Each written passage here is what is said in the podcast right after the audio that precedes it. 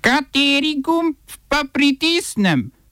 Tisti, na katerem piše OF.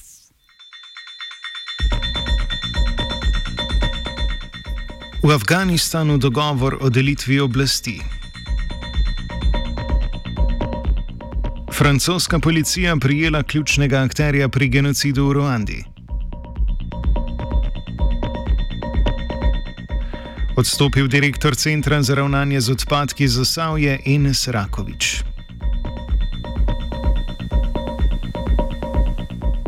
V kulturnih novicah obeta se ponovno odprtje slovenskih gledališč.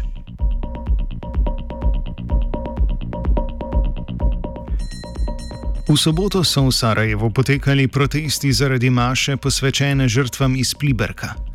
Vodil jo je sarajevski načkov in kardinal Vinko Pulič, svoje nasprotovanje pa je na ulicah izrazilo več tisoč protestnikov. Gre namreč za obeleževanje dogodka z konca druge svetovne vojne, ko je prek Slovenije v Avstrijo zbežalo približno 100 tisoč vojakov in častnikov fašistične satelitske države NDH ter civilistov, med njimi pa se je znašel tudi kak četnik ali domobranec. Tam so se predali britanski armadi, 15. maja 1945 pa je britanski general Patrick Scott ukazal izročitev vojakov jugoslovanski armadi. Dogodka se sicer ustaški simpatizerji v Avstriji spominjajo vsako leto, ne preseneča pa dejstvo, da njihovo zbiranje pritegne tudi mnoge neonacije, neofašiste in ostalo gamat.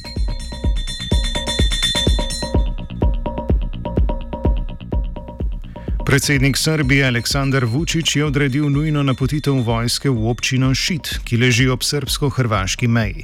Tam naj bi prebivalce in njihovo premoženje ščitili pred migranti, saj bodo po dveh mesecih zaprtja azilnih centrov zaradi epidemije begunci znova dobili svobodo gibanja.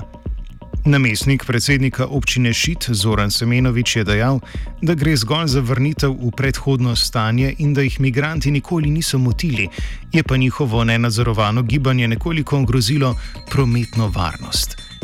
Na območju občine Šit se nahaja približno 1500 migrantov, ti pa pogosto skušajo prečkati mejo. Vučić je sicer med vikendom čas posvečal predvolilni kampanji in preko videokonference na Facebooku nagovoril svoje podpornike. Potem, ko skoraj minuto ni prišel do besede zaradi gromkega aplauza, je konferenco zaznamovala v hobijoča povratna zvočna zanka, med katero je Vučić lahko užival v mozaiku zaslonov, s katerih so se mu naklonjeno smejali zvesti o podporniki. V nacionalistični politiki pač ni prostora za odpravo tehničnih težav.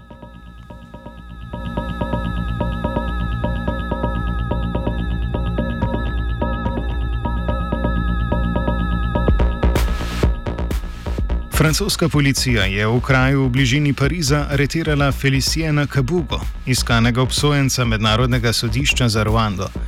Obtožnica Kabugo bremeni ključne vloge v genocidu nad Tuci leta 1994, saj naj bi ustanovil milico Interhamve, ki naj bi jo tudi opremil z mačetami. Kabuga je bil sicer v začetku 90-ih let eden najbogatejših prebivalcev Ruande, s partnerji pa je ustanovil radijsko postajo RTLM, ki je eksplicitno pozivala k pobijanju Tucijev. V genocidu je umrlo med 500 tisoč in milijonom ljudi. Spominu na Ruanda dan danes namenja dva dela prosta dneva, zanikanje genocida pa velja za kaznivo dejanje.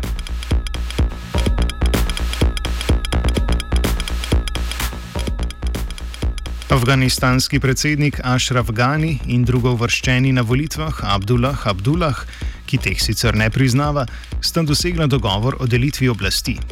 Ghani bo tako še naprej predsednikoval, Abdullah pa bo vodil mirovna pogajanja s talibi.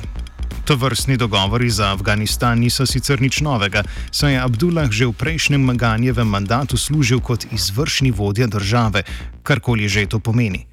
Andreju Šišku, štajerskemu Hervardu in protimigranskemu militaristu, ki ni priznal rezultata predsedniških volitev v Sloveniji leta 2017, kaj takega ni uspelo.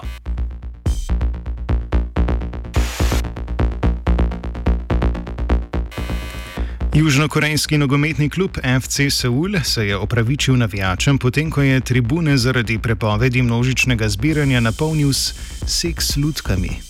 V nedeljo bi klub sicer tekmo odigral pred praznim stadionom, a je v zadnjem trenutku priskočilo na pomoč podjetje Dalkom in tako so 30 praznih sedežev zasedle lutke. Da gre za spolne igračke, so opazili gledalci med spletnim prenosom tekme.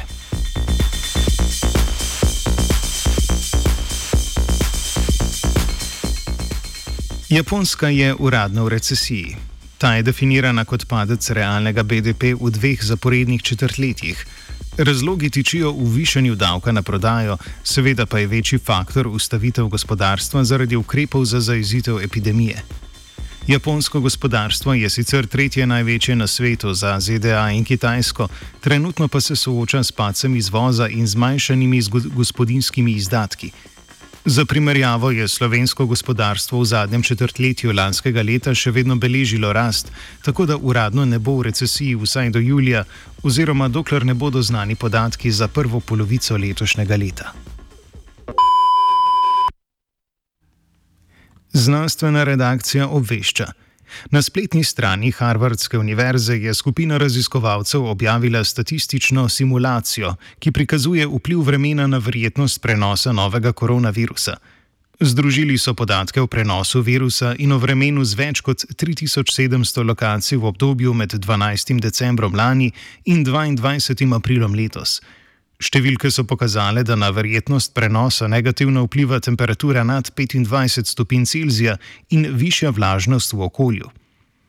Verjetnost širjenja virusa so ocenili z novo statistično vrednostjo in sicer so uporabili od vremena odvisno reprodukcijsko število ali CRV. Reprodukcijsko število je vrednost, ki ocenjuje povprečno število ljudi, ki naj bi jih okužila že okužena oseba. Glede na, glede na objavljeno simulacijo je največja verjetnost prenosa glede na vreme v času med decembrom in aprilom, medtem ko je najnižja v poletnih mesecih. Vendar tudi raziskovalna skupina upozarja, da vreme ni niti edini, niti glavni dejavnik tveganja pri širjenju bolezni. Število CRV v simulaciji le redko pade pod polovico. To pomeni, da vreme nima dovolj velikega vpliva na širjenje virusa, da bi ga lahko uvrstili med sezonske viruse. Kljub temu pa lahko pričakujemo, da bo poletje širjenja virusa upočasnilo, tudi zato, ker bomo več časa preživeli na prostem in manj v zatohlih pisarnah. Oba, če, če bom odgovoril na angliški. Slovenija bo poskušala pomagati. Slovenija bo naredila svoj utmost, da bo rekla, da je situacija naš problem, sami. In mi bomo naredili nadaljnje korake, as soon as the conditions are. Bomo vlado Marjana Cererja Šarca podprli. Very, very serious. News from Slovenia. We know how and we will.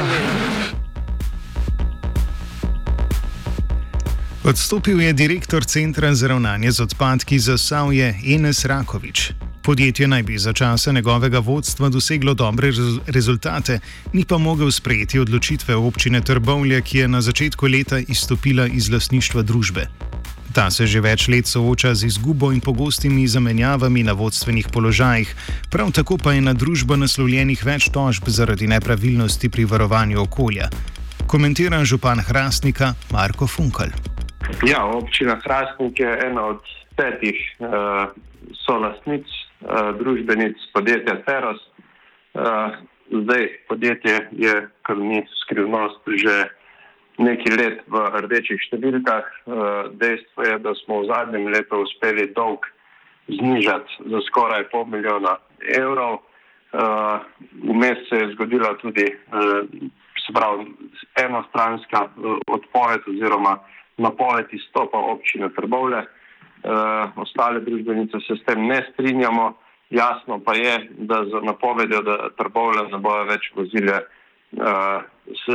smeti na skupno smetišče, da se ekonomika takšnega smetišča toliko podraža, da je e, praktično nemogoče pričakovati, da se bo lahko e, delo opravljalo normalno tudi naprej. Tako da iz tega stališča direktorja e, razumemo.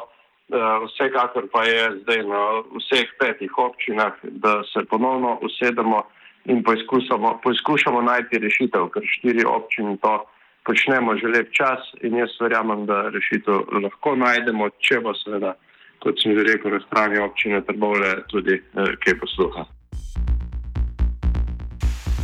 Ministrstvo za okolje in prostor je zavrnilo pritožbo podjetja Kemis, ki se ukvarja s predelavo kemičnih odpadkov glede odločitve gradbenega inšpektorata.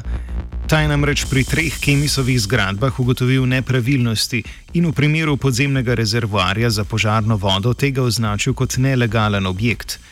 Okoljski inšpektorat je zato odredil odklop vode in elektrike, zaradi česar se je Kemis pritožil na ministrstvo. Prav tako se je pritožil na odločbo o prenehanju uporabe prizidka glavni stavbi, sicer že tako označeni za črno gradnjo. Kemis se je pod medijskimi žarometi znašel leta 2017, ko se je tam unil požar, posledica katerega je bila hudo onesnaženje potoka Tojnica.